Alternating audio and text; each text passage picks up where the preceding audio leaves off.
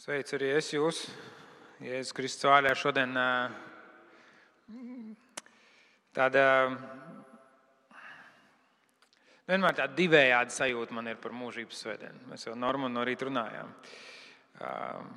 No vienas puses, liekas, tas, tas kaut kas, kas, kas dod cerību, kas iedves, iedves tādu vēlmi iet uz priekšu. Ceļš tādā, tādā, tādās grūtās situācijās, saskroties ar kādiem izaicinājumiem. Um, varbūt tajā gada tumšajā laikā liekas, nu, ir vajadzīgs kaut kas tāds. No otras puses, uh, tas ir brīdis, kad mēs arī atskatāmies atpakaļ uh, par kādiem, kas ir aizgājuši, ar kādiem, kas ir bijuši mūsu dzīvē un vairs nav. Um, kurš Dievs varbūt ņēmis pie sevis. Un, un, uh, ja mēs zinām, ka viņi Dievu mīlējuši, Dievu pazinuši, mums liekas, nu, nu, mēs varam par to priecāties. Viņi tagad ir kopā ar, ar savu radītāju. Tomēr mēs jau skumstam. Un, un, un tāds divējāds tās sajūtas. Un ir interesanti arī gatavojoties um, šai svētdienai. Uh, Kādu no jums jau zina, es puses nedēļas pavadīju slimnīcā, bērnu slimnīcā kopā ar Jēkabu. Tāpēc viņš arī nav šodien ar mums, jo viņš joprojām ir slimnīcā un ir kāda sarežģījuma ar, ar, ar, ar viņa kāju. Un, un es esmu, es lasu, es pārdomāju, lūdzu Un tādu grāmatu par, par uh, augu ģimenēm. Saucās Foster, the, uh, Foster the Family. Um, rūpes par ģimeni, bet tieši par tādu ārpus ģimenes aprūpi. Un, un, uh, jūs jau zināt, ka mēs arī esam augu ģimene, mums draudzē ir kāds augu ģimenes. Un, un šī autora viņa, viņa raksta par to, par to, kā mēs skatāmies uz dzīvi. Viņa saka, nu, tā kā Kāpēc lai kāds cilvēks kā, uzņemtos citu cilvēku sāpes? Kā, vai tev nepietiek savējo? Kāpēc lai tu kā, iedziļinātos šajā, šajā jomā, šajā tēmā? Kāpēc lai tu mērķiecīgi paliktu sevi zem sitiena, ja tā var teikt?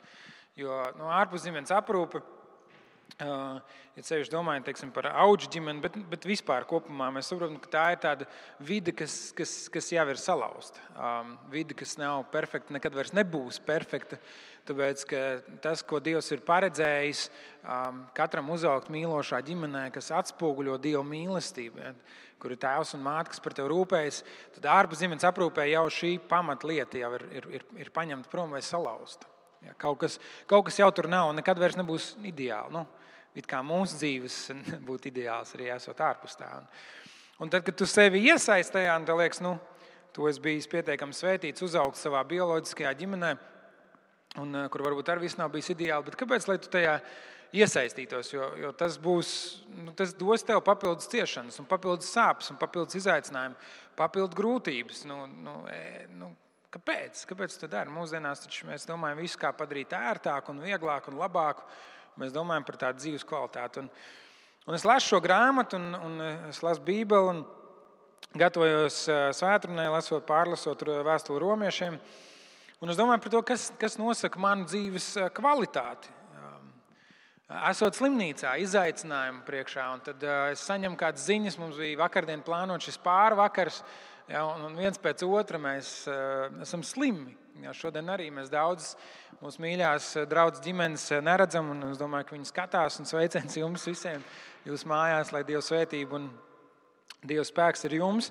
Un, un es domāju par to, nu kā, nu, nu, nu kā tas ir, ne? kad ir dažādi izaicinājumi, dažādas grūtības. Un, un, un, un domājot par dzīvi, kas tad, kas tad padara man dzīvi labu? Kas tad padara manu dzīvi labu, kas padara manu dzīvi vērtīgu? Kas nosaka manas dzīves kvalitāti? Un ar dzīves kvalitāti mēs biežāk saprotam par to, nu, cik es par to savu eiro varu nopirkt. Jā, man liekas, ka nu, ekonomiski tā mēra to dzīves kvalitāti. Jā, tad, tad mēra minimālo algu un, un, un to iztiks minimumu un, un, un, un dažādas lietas. Un, un pēc tā, nu, kas nosaka dzīves kvalitāti. Jā, mēs aizbraucam uz Šveici vai Skandināviju, mēs ar savu algu tur neko. Jā, un tad mēs aizbraucam uz kaut kādu Zimbabvi vai vēl kaut kur, un mēs ar savu algu. Oh, jā. uh, bet, bet dzīves kvalitāti. Uh, Kas nosaka dzīves kvalitāti? Vai tiešām tas ir mērāms pēc tā, cik biezs ir tavs maciņš? Vai cik labā, labos apstākļos tu dzīvo?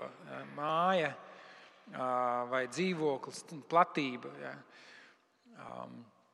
Vai tas, kas tev pieder, kā tu pārvietojies, kā tu vari pārvietoties? Vai tas ir auto vai, vai, vai ja kāds saka, nu, lielākā daļa rīznieku pārvietojas Mercedesā vai Skodā. Ja? Pārsvarā nu, satiksmes transportā. Kas nosaka tavu dzīves kvalitāti? Kas mums jāņem vērā, lai mēs varētu dzīvot pilnu, vērtīgu dzīvi? Ja? Tad pilnu un vērtīgu dzīvi. Kas tev ir vajadzīgs, lai tu varētu teikt, es dzīvoju pilnvērtīgu dzīvi? Ja mēs šodien domājam par mūžību, un mums liekas, nu, tā mūžība nu, tas ir tāds, nu, nu, tāds kaut kur tāls, kaut kas. Ja. Jo, jo vecāki mēs paliekam, nu, tā Normons teica, jo tuvāk mēs jūtamies tai mūžībai, bet, bet tomēr nu, tas ir kaut kas tāds abstrakts, tas ir kaut kas tāds tāls. Mums liekas, nu, mums vajag kaut ko, kas, kas ir taustāmāks, mums vajag kaut ko, kas ir nu, tuvāks, reālāks, kas, kas ietekmē mūsu dzīvi. Mācītājs tūlīt runās par mūžību. Nu, kā, nu, kā būs, tā būs. nu, ko tur? Bet patiesībā tas, kā mēs redzam mūžību, ietekmē to, kā mēs dzīvojam šodien. Tas, ko mēs domājam par mūžību, ietekmē lēmumus, kādus mēs pieņemam šodien. Tas tiešā veidā ietekmē mūsu dzīves kvalitāti. Psalma autors 90. psalmā, 12. pantā raksta, māci mums mūsu dienas tā skaitīt, ka mēs gudru sirdi dabūjam. Tā lūkšana viņam, Dievam, ir, Dievs, palīdz man, manu dzīvi dzīvot tā, lai man būtu gudrība.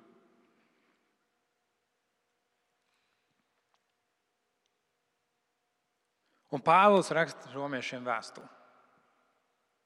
Un mēs šodien būsim šajā astotajā nodaļā. Principā visu nodaļu mēs pārskatīsim, un tas varbūt nebūs tāds tipiskais pantu pa pantam, iesim cauri un veiksim ekseģēzi un skatīsimies, ko nozīmē vārds pa vārdam. Bet skatīsimies, ko Pāvils atklāja. Kas ir tā galvenā doma tajā? Un viņš iesāk astoto nodaļu. Viņš saka, nav nekādas pazudināšanas tiem, kas ir Jēzu Kristu. Jo dzīvības gara likums Kristū Jēzu ir tevi atbrīvojis no grēka un nāves likuma. Nav nekādas pazudināšanas tiem, kas ir Jēzu Kristu. Un tad viņš runā par, par bauslību. Tā mūsu iespējams tuvākā izpratne vai pirmā lieta, kas nāk prātā, domājot par bauslību, ir, ir desmit baušļi. Ir kāds vēl kāds, kurš ir bauslība, un nāk prātā uzreiz desmit baušļi. Es vienīgais. Jā. Okay, nē, ir daži. Paldies. Jā. Varbūt kāds, kas eh, nu, vairāk ir kaut ko lasījis, viņš saka, ka nu, bauslība nu, tā varbūt ir vecā derība. Jā. Nu, tie ir kaut kādi likumi, kaut kādi noteikumi. Jā, kaut kas, un, un bauslība nu, nu, tāds mums tas vairs nav aktuāli. Jā. Mēs, nu, mums vairs nav pazudis, mēs esam Jēzu Kristu, mēs esam jauns radījums, tā ir jaunā derība, mēs esam jaunās derības cilvēki. Ja pie vakarēdienas arī mēs sakam, jaunā derība Jēzus Kristus asinīs. Un, un tā bauslība ir kāds tāds tād, tād tumšs ēna mūsu dzīvē. Tā kā, nu, tik daudz no Bībeles ir, ja es varētu atšķirt, patiesībā pāršķīri, ja tad ir vēl vecā derība, vecā derība, vecā derība. Nu, Reku te Mateja evaņģēlīs. Ja. Tātad no, no manas bībeles, ja šī tik daudz ir bauslība un šī tik daudz ir tā jaunā derība. Nu, tā kā, tad mēs to šī tik daudz mēs kā, ignorējam. Ja. Mēs dzīvojam tajās dažās lapusēs, kas tur paliek. Nu, nav dažas, bet, bet nu, sapratāt ideja. Ja. Un tā ir tā tāda tumša ēna. Mēs izlasām varbūt pirmo mūža grāmatu, tur līdz, līdz varbūt otro mūža grāmatu, līdz kaut kādai tur iziešanai. Tagad sākās trešā mūža grāmata. Mums liekas, pēc beidz. Es labāk lasu psalmus un evaņģēlijas. Un tā tad tā bauslība tā, tāda tumša ēna mums nāk līdzi. Mums liekas, nu, es negribu. Jā, es negribu, man, tāpēc, ka tur tik daudz ir kā. Un, un ja es mēģinu ieraudzīt sevi tajā, nu, tas ir pat daudz priekš manis. Jā. Bet patiesībā tas ir Dieva standarts, ko viņš atklāja. Viņš atklāja Dieva standarts, pēc kura jādzīvo.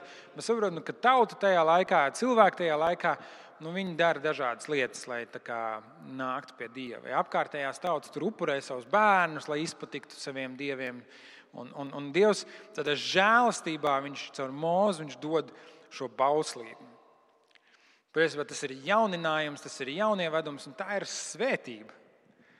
Tā ir svētība. Viņš atklājas sevi. Viņš saka, šis ir tas veids, kā jūs varat nākt pie manis. Ja. Šis nav vienkārši veids, tur ir 600 kaut ko likumi, ne tikai 10 baušļi, un tad tur vēl dažādi skaidrojumi tajā, un vēl kaut kas. Nav, nav vienkārši, nav labi, bet, bet vismaz jums ir kaut kāda skaidrība. Ja? Nu, tā. Tas ir ceļš, tā ir svētība. Līdzīgi kā mēs reizēm domājam par grēku nožēlu. Kuram no jums ir pozitīva sajūta domājot par grēku nožēlu? Ir kāds, kurš saka, yes, iespēja nožēlot grēkus? No, neviens? Bet patiesībā ir, paldies, viens ir. ir jā. Divi. Ļoti labi. Jā, nu, es pa pusē. Tāpēc, ka automātiski man tāds sajūta, nu, tā kā nē, es negribu vispār runāt par saviem grēkiem. Es zinu, ka man viņi ir, bet, bet uh, es labāk domāju par to jauko un foršo un to dievu žēlstību manā dzīvē. Grēka nožēla kaut kas tāds, ko man liekas, nē, jā. bet patiesībā tā ir dieva dāvana. Grēka nožēla ir dieva dāvana. Tā ir iespēja mums tuvoties dievam. Tā ir dieva dāvana. Tas ir kaut kas brīnišķīgs, ko viņš mums devis. Brīnišķīgi, ka viņš mūs nav atgrūdis, viņš mūs nav aizmirsis, viņš mūs nav atstūmis. Viņš joprojām caur savu svētā garu uzrāda mums mūsu grēku. Tā ir Dieva žēlstība, tā ir dāvana. Tā ir iespēja atkal tuvoties Dievam. Ja? Un, un ar bauslību ir līdzīgi. Ja? Patiesībā bauslība dod mums um, izprast Dievu un, un redzēt, cik, cik liels patiesībā smagums ir, ir, ir, ir, ir um, tajā grēkā, cik liels smagums ir tajā, kā cilvēks dzīvo savu dzīvi. Bet ar bauslīto problēma ir tā, ka mēs neviens nespējam viņu pilnībā izpildīt. Un bauslība ir tā, kas norāda uz nepieciešamību pēc glābēja. Bauslība ir tā, kas norāda, ka mums ir vajadzīgs kas vairāk nekā dari, nedari. Bauslība ir tā, kas norāda, ka īsti nepietiek, ka tu nevari dzīvot ar domu, nu, ka dzīves beigās es uzkāpšu uz tiem svariem Un labais manī būs bijis vairāk nekā sliktais. Un Dievam nekas cits neatliks, kā mani pieņemt, jo redz, es esmu labs. Ja es saku, jūs pētāt rakstus, ja, un, un Jēzum tajā laikā bija tikai vecā derība, viņam bija bauslība. Viņš saka, jūs pētāt rakstus, un tie ir tie, kas dod liecību par mani. Padomājiet par to. Viņš, saka, viņš nesaka, ka jūs pētāt rakstus, un tie saka, kas jums ir jādara. Viņš saka, tie ir tie, kas dod liecību par mani. Bet Pāvils runā, viņš, viņš runā par bauslīm, viņš runā par to, kā Jēzus piepilda to. Un viņš salīdzina to ar miesa un gars. Miesa un gars. Un viņš saka, ka miesas saprāšana ir nāve. Miesas saprāšana ir nāve. Ja mēs domājam, miesā, tas ved mūs uz nāvi. Saprotiet, pareizi. Miesa nav slikta. Miesa nav slikta. Tad, kad tu skaties spogulī, tev nav sevi jāienīst. Ja, ja tu miesu, redzi savu miesu, sevi. Tā nav slikta. Tā ir Dieva dota dāvana. Miesai ir jāēd, un miesai ir jāguļ, un miesa ir jāapģērbj. Par miesu ir jārūpējas, miesa reizēm jārastē. Um, bet miesa ir ierobežota. Miesai ir limiti. Daudz no jums šajā nedēļā tu piedzīvoji īpaši, vispār šajā laikā. Es piedzīvoju, ka miesai ir limiti, ir ierobežojumi, ir kādas slimības, ir kādi izaicinājumi. Miesa. Miesas saprāšana ir nāve. Un daudz saka, ka patiesa ir tikai tas, ko var pierādīt ko var sataustīt, kam ir miesa.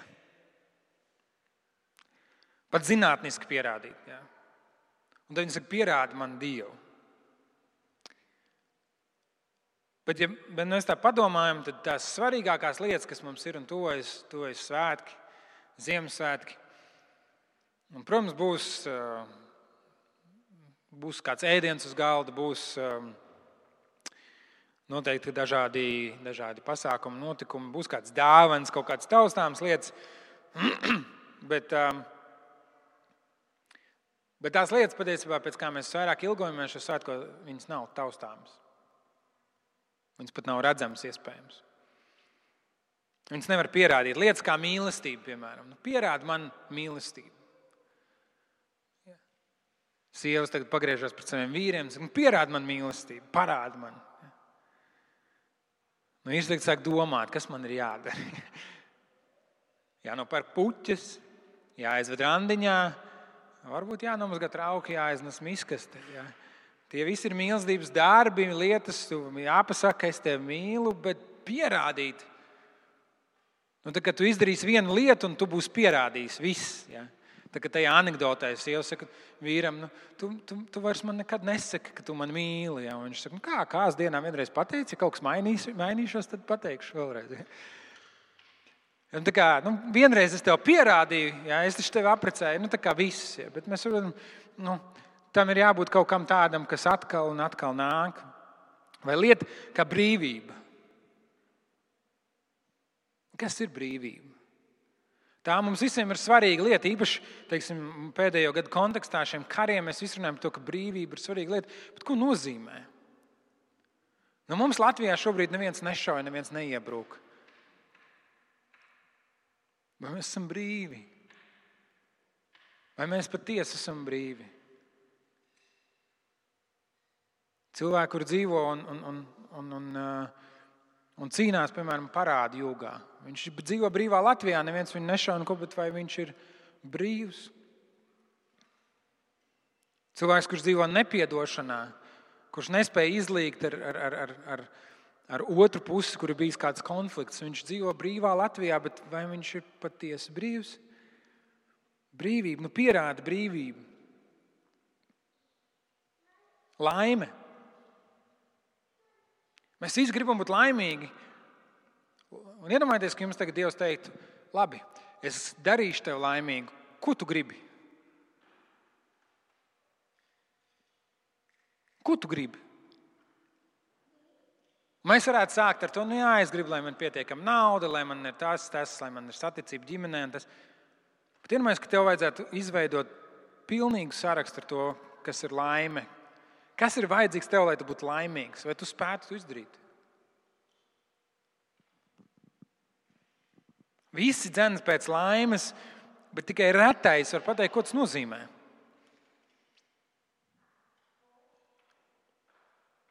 Ziniet, tas, ko es mēģinu pateikt, ja mēs domājam par miesu, mēs domājam, un, un es ceru, ka jūs ieraudzīsiet šo salīdzinājumu svētdienas beigās, bet, bet miesas saprāšana ir nāve.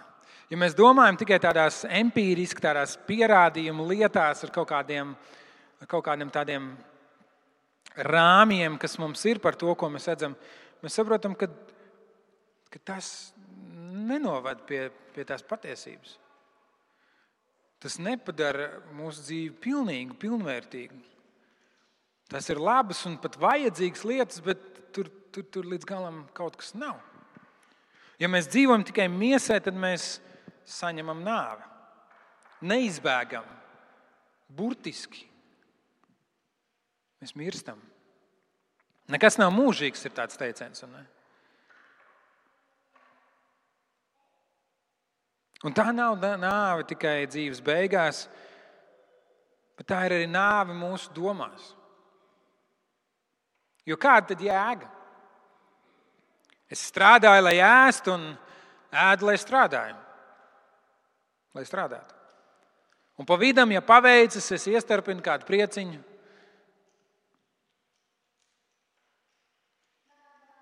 Redziet, ja mēs dzīvojam miesā, ja mēs dzīvojam tajā domāšanā, tajā bauslības domāšanā par to, kas mums ir jāizdara, kas mums ir jāpanāk, kas mums. Mūsu pasaule ir ļoti trausla. Mūsu dzīve ir ļoti trausla.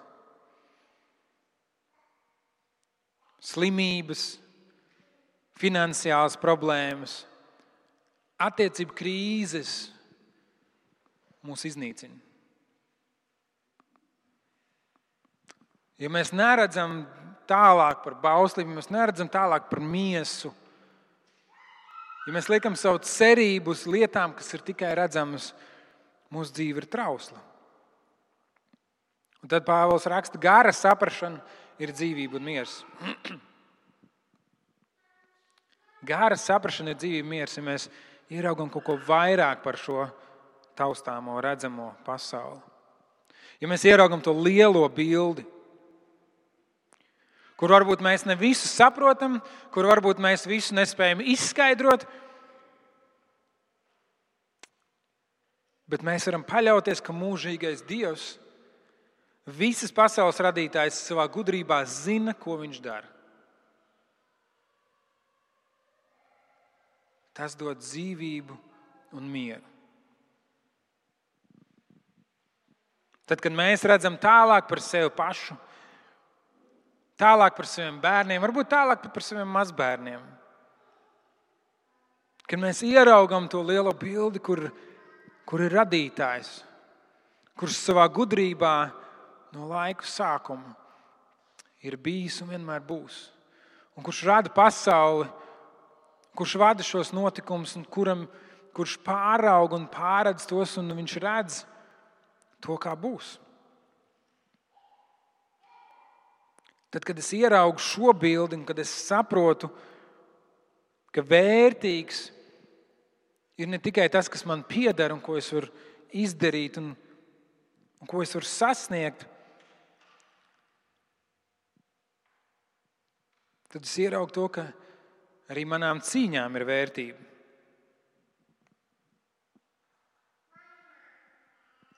Tā manām mazajām ikdienas lietām ir vērtība. Pat manām ciešanām ir nozīme. Tas nenozīmē, ka tās uzreiz kļūst vieglas un panesamas. Un, eh, eh. Bet tām ir nozīme un ka tām ir risinājums. Dzīve nesākas un nebeidzas ar mani.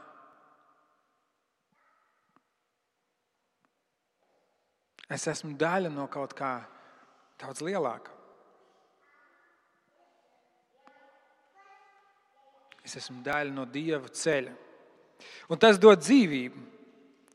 Un tad, kad mēs to ieraugam, tad, kad Dieva žēlstībā caur viņa garu mēs to satveram, tad pat ieelpa un izelpa. Vairs nav tikai izdzīvošanas jautājums. Bet mēs ieelpojam Dievu un izelpojam Dievu. Ebreju valodā viens no vārdiem, kas tiek lietots, lai apzīmētu Dievu, ir Jahve. Un Bībeles pētnieks saka, ka šis vārds ir līdzīgs kā skaņām, kad tu ieelpo un izelpo. Jahve, Jahve. Kad tu ieraugi, ka pat tava elpa nav vienkārši mehānisms tam, lai tu dzīvotu.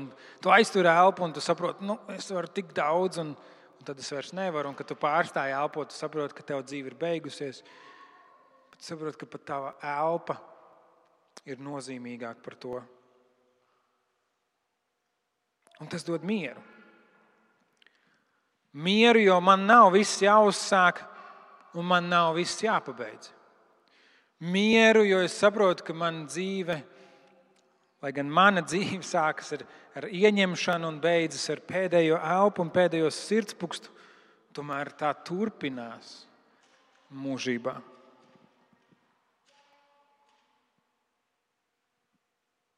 Es saprotu, ka tie uzdevumi, kas man ir doti, es viņus paveicu Dieva žēlstībā, un tur, kur man izdodas, es pateicībā slavēju Dievu, un tur, kur man neizdodas, es Dievam saku, Dievs,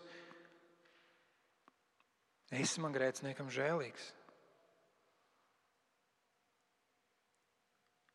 Un kad Dievs savu spēku parāda manā nespējā, un kad Dievs savā gudrībā manas kļūdas, manu vājumu, manu grēku spēj pārvērst svētībā, man nav viss jāuzsāk un nav viss jāpabeidz. Man ir jābūt uzticamam ar to, ko Dievs man ir devis. Un lai kas arī notiktu, lai arī ko es būtu sastrādājis, es zinu, ka mana dzīve ir pakļauta Dieva žēlastībai. Mēs lasījām 28. pantu, kas saka, mēs zinām, ka tiem, kas Dievu mīl un kas pēc viņa iepriekšējā nodoma ir aicināti, viss nāk par labu.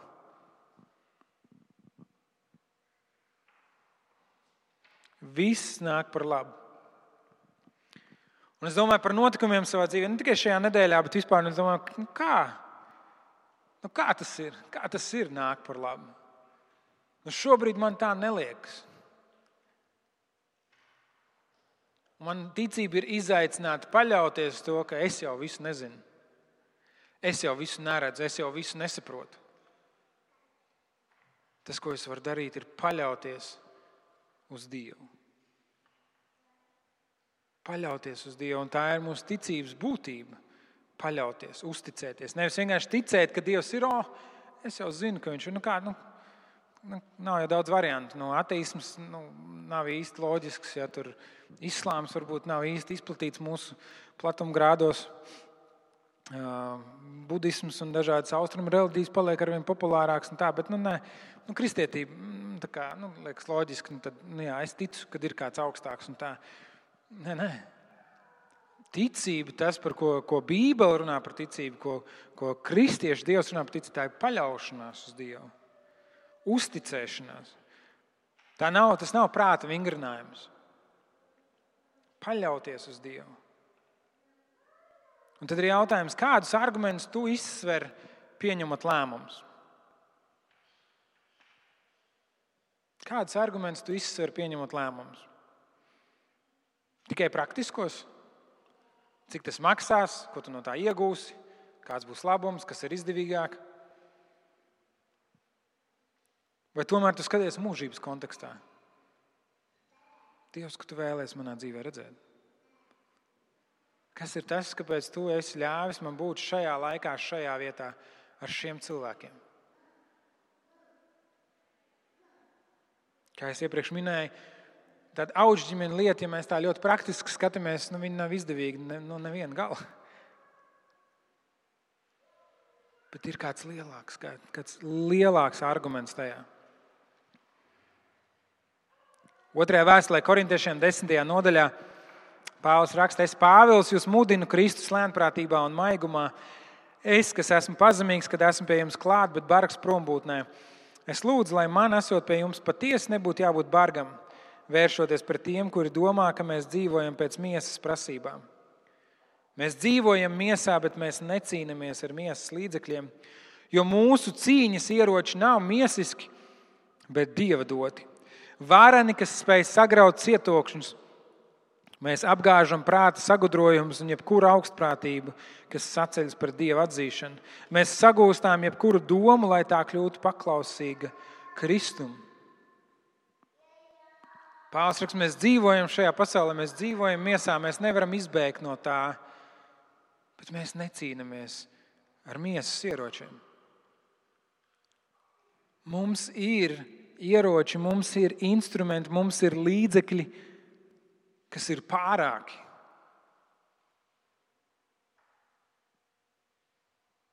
Kas ir pārāki. Otrajā vēstulē korintiešiem turpat tālāk Pāvils raksta, mēs lepojamies ar to, ka mūsu sirdsapziņa liecina.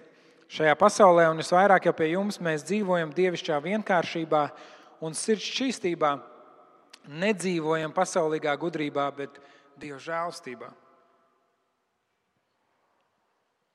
Un no vienas puses, kristiešiem nav atcelts, piemēram, gravitācijas likums. Ja. Tu nevari teikt, nu, tāpēc, ka es ticu, gravitācija uz mani neatiecas. Ja. Vai citi fizikas likumi. Mēs arī ēdam, mēs arī guļam, nu, piedodiet, mēs arī uz to letējam. Ja. Tāpēc, ka mēs ticam, mums nav atcelti tie likumi, noteikumi un tā kārtība, kāda ir visiem šīs pasaules cilvēkiem. Bībeli raksta, Dievs liek lietam līdz par taisniem un netaisniem. Tikai tāpēc, ka mēs ticam, nav tā, ka Dievs mūs uzreiz izņem un pasargā un, un, un izslēdz kaut kur no, no šīs sabiedrības un saka, nu, te jums tāds savs burbulīts, nu, varbūt mums reizēm gribas to tā radīt, bet tā nav. Bet no otras puses, ja no vienas puses mēs esam pakļautiem pašiem fizikas likumiem, tai pašai kārtībai, ja mums arī ir miesa, mums arī ir dažādas vajadzības, mēs dzīvojam šajā pasaulē. Bet no otras puses, Dieva valstība mūsu izpratnē ir atgādna. Tā ir kājām gaisā. Mēs klausāmies, kad Jēzus runā ar saviem mācekļiem, un mēs saprotam, bācis.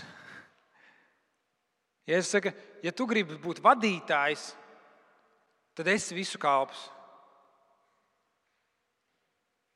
Un šajā sabiedrībā mēs, mēs negribam visiem kalpot. Es negribu, visi man uztvers kā tādu grīdas lupatu. Ja.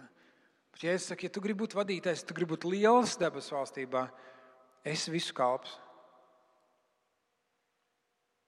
Ja es saku, svētīgāk ir dot nekā saņemt. Ja. Un tad man liekas, ja es nezinu, vai tu zini, kā modernā ekonomika strādā, bet ja es dodu, man paliek mazāk. Bet, ja es saņemu, man paliek vairāk. Ja. Mēs jau parasti sakām, svētīgs ir tas, kuram ir, ir daudz, vai ne? Bet, ja es saku, svētīgāk ir dot nekā ņemt. Jēzus saka, kas savu dzīvību zaudē manis dēļ, kas to atdod, tas to iegūst. Jēzus saka, um, jūs esat brīvi, bet ņemiet manu jūgu, ja, un, un tas ir tas, ka jūs kļūstat mani vergi. Un Bībele ir pilna ar šādiem paradoksiem, kur tas ir pilnīgi atgādni.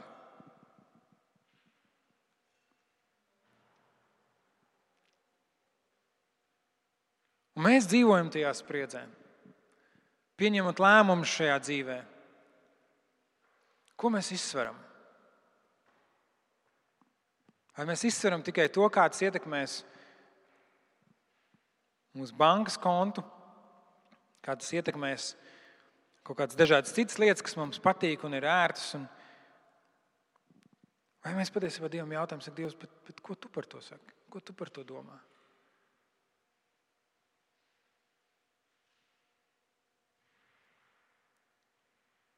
Vairāk nevienmēr nozīmē labāk. Mums vienmēr liekas, ja vien mums būtu vairāk, mums būtu labāk. Patiesībā reizēm mazāk. Tā ir tā lielākā svētība. Un tad Pāvils raksta, viņš neatstāja uh, Romas draugu un, un šos lasītājus, un arī mūsu. Viņš neatstāja tādā, tādā neziņā. Viņš neatstāja mūs tajā spriedzē. Viņš nesaka, nu, kā, pieņem gudru lēmumu. Ja. Izvērtē šīs abas lietas un pieņem gudru lēmumu. Tad mēs domājam, kā?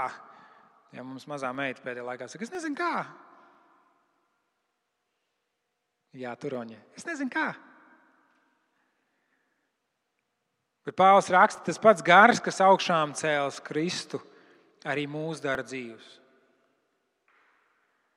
Viņš runā par to, ka mums ir šī šī dievvvārdā teikt, pat ķīla. Ja? Kad Dievs mums ir iedevis tādu ķīlu, Viņš saka, jūs vēl esat šajā pasaulē. Jūs joprojām sastopaties ar grūtībām un ciešanām, jūs joprojām esat ierobežoti laikā un telpā, un jūsu miesas ir ierobežotas, un jūs piedzīvojat ciešanas, bet šeit jums ir ķīla.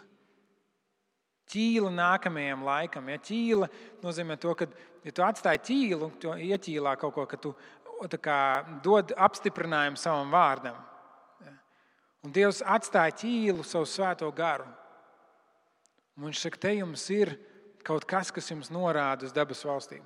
Kaut kas, kas jums atgādina par to, ka viss materiālais tas nav vienīgais, par ko šī dzīve ir. Ka ir kas vairāk. Un viņš saka, tāpēc mums vairs nav jādzīvo pēc miesas. Mēs esam atbrīvoti no tā, mums nav jāpieņem lēmums, nav jādzīvo. Mēs neesam pakļauti pauslībai.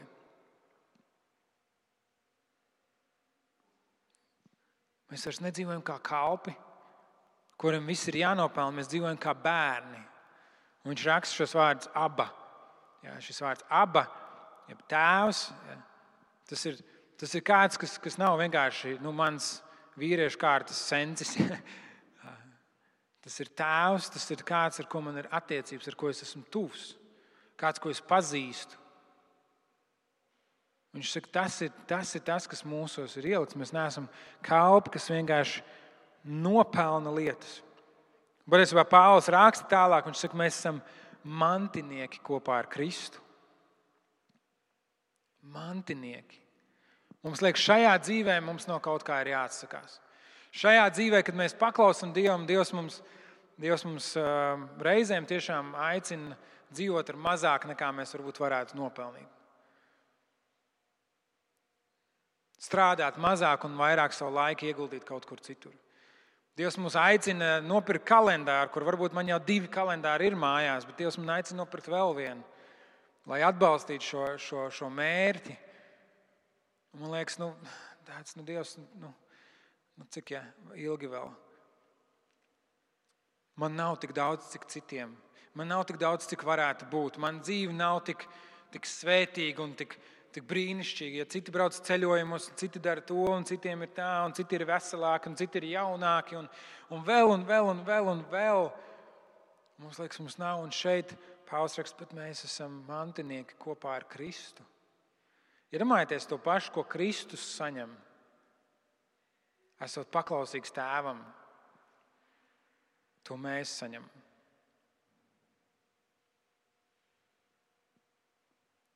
Tā godība, ko Dievs ir sagatavojis savam vienpiedzimušam dēlam, tā ir tā godība, ko mēs saņemam kopā ar Dievu. Un ir grūti, ir izaicinoši, jo dienu no dienas mūsu pienākumi, mūsu darbs, mūsu uzdevumi, viss kaut kas, kas mums šajā pasaulē ir, visu laiku brēc pēc mūsu uzmanības. Un saka, skaties te, un skaties te, un skaties te. Skaties, tev jāmaksā rēķini, ej strādā. Skaties, tev jāaudzina bērni, pavadi ar viņiem laiku. Skaties, tev uh, jābūt veselam, ej vingro. Uh, skaties, tev jābūt sociālam, veido draugus. Uh, skaties, te ir vajadzības, skaties tur, skaties jumts, tā kā salabo māju. Ja visu laiku mums ir šīs lietas, kuras, kuras novirza mūsu prātu un saka, šeit, šeit, šeit, tagad, tagad. Un Dievs mums saka, viņš nesaka, novērsies no tā vispār. Viņš saka, ieraugi to mūžības bildi.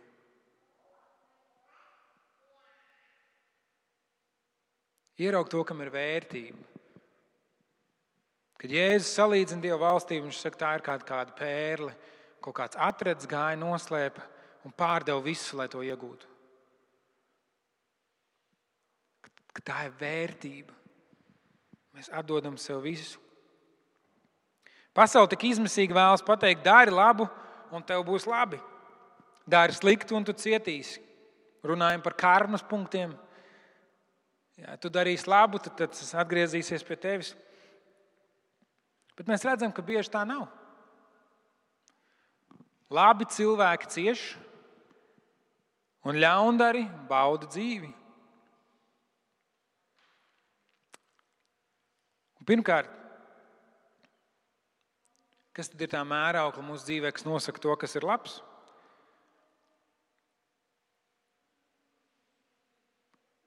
Un cik daudz no tā ir mīsīgs?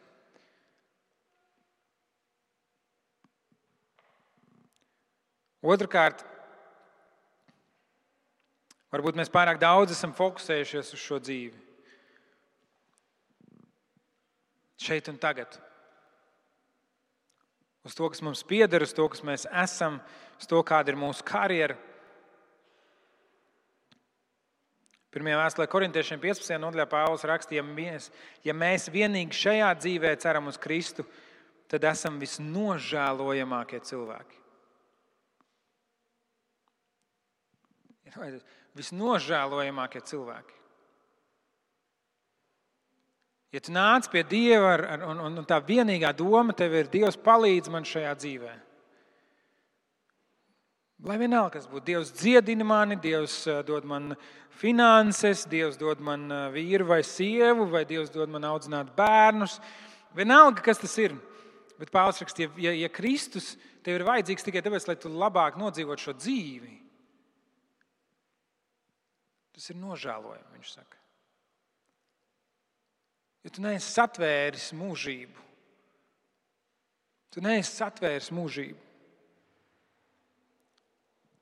Tas, ko mēs jau lasījām vēstulē romiešiem 18. pantā, 8. no es domāju, ka šī laika ciešanas ir nenozīmīgas tās nākamās godības priekšā, kas mums tiks atklāta. Šī laika ciešanas ir nenozīmīgas. Un tev liekas, nu jā, Kārli, tev viegli teikt, tu jau necieti. Es jau to nesaku. To raksta Pāvils. Kurš tika nomētāts ar akmeņiem tik tālu, ka cilvēki domāja, ka viņš ir miris. To raksta Pāvils, kurš lielu daļu savas dzīves pavadīja cietumā dēļ savas ticības.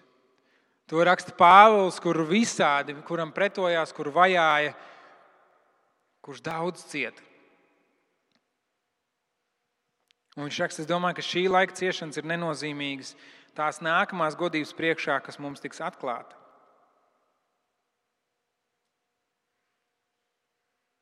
Bet mums ir jāierauga, mums ir jāierauga to, ka ar šo dzīvi viss nebeidzas. Jā, mēs dzīvojam šodienai, jo rītdien mums nevienam nav garantēta. Mēs dzīvojam šodienai. Es ne, negribu teikt, ka nu tagad visi ies, ieslīgsim meditatīvās pārdomās par mūžību. Jā. Iesim prom no saviem darbiem, atstāsim novārtā visu, kas mums jādara, un domāsim par mūžību. Nē, nē.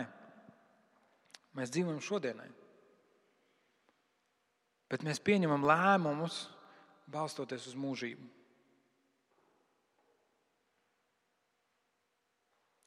Balstoties uz mūžību. Es domāju par kristiešiem agrīnajā draudzē, kur tad, kad bija milzīgas slimības un mēris, un visi cilvēki muka projām no pilsētas. Kristieši palika tur un rūpējās par tiem, kas slimo un mirst. Un liekas, tik, tik neloģisks lēmums. Bet es domāju, viņi bija atvēruši mūžību.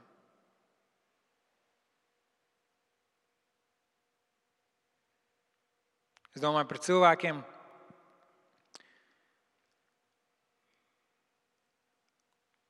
kur savu dzīvi um, izlaiž un iegulda un velta, un iespējams savā dzīvē nekad neredz to rezultātu. Tad liekas, nu kādi neveiksminieki. Bet iespējams, ka tie ir tie cilvēki, kuriem ir satvērusi mūžību.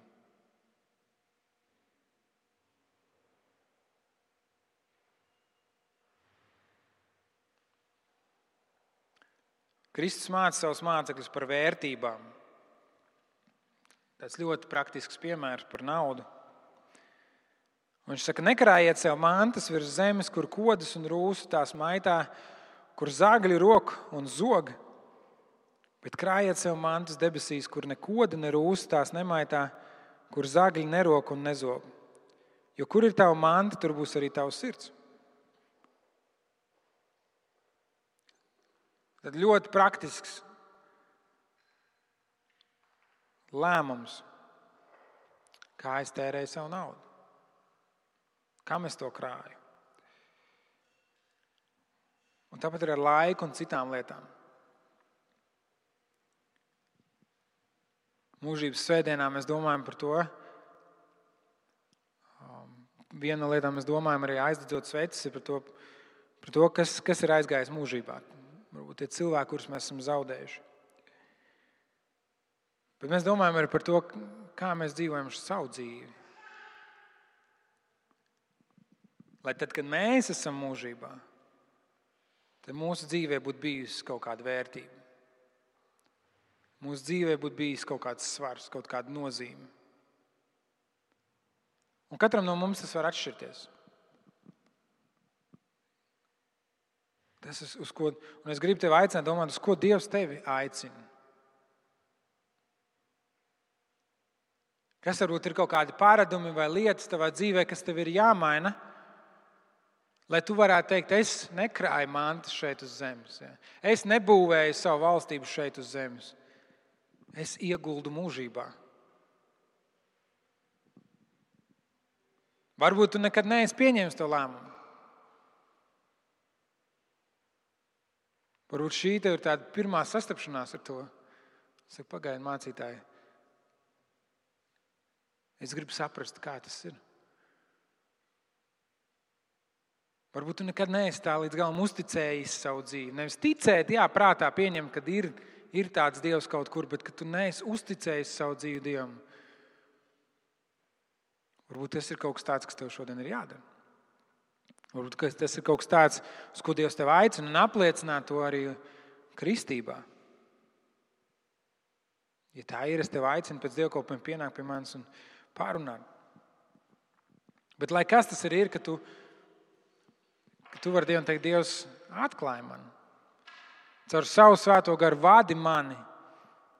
Māci man manas dienas tā skaitīt, lai es gudru sirdi dabūnu. Nobeigumā es gribu izlasīt astotās nodaļas beigas. Un lai tas ir kā iedrošinājums tam, ka Dievs tevi redz.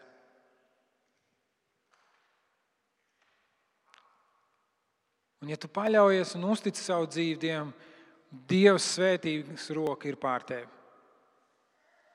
Un tā svētība varētu izskatīties citādāk nekā tev liekas, bet Dieva svētības roka ir pār tavu dzīvi.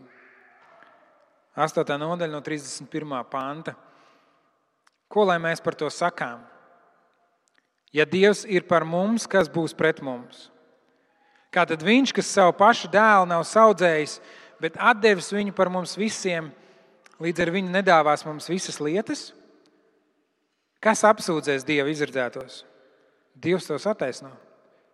Kas tos pazudinās? Ir taču Kristus Jēzus, kas mīris vēl vairāk, kas augšām cēlēs, kas ir pie Dieva labās rokas un kas aizstāv arī mūsu. Kas mūs šķirs no Kristus mīlestības? Vai bēdas, vai nelaimes, vai vajāšanas, vai bats, vai kailums, vai briesmas, vai zobens? Tā kā ir rakstīts, tevis dēļ mēs augu dienu topam nodot nāvē. Mēs esam pielīdzināti kaujamām avīm. Bet visā tajā mēs pār pārējiem esam uzvarētāji, pateicoties Kristum, kas mūs ir mīlējis. Un es esmu pārliecināts, ka nec nāve, nec dzīve, nec eņģeļi, nec varas, nec tagadne, nec nākotne, nec spēki, nec augstumi, nec dziļumi, nec kāda cita radīta lieta mūs nespēj šķirt no Dieva mīlestības, kas ir Kristu Jēzu mūsu kungā.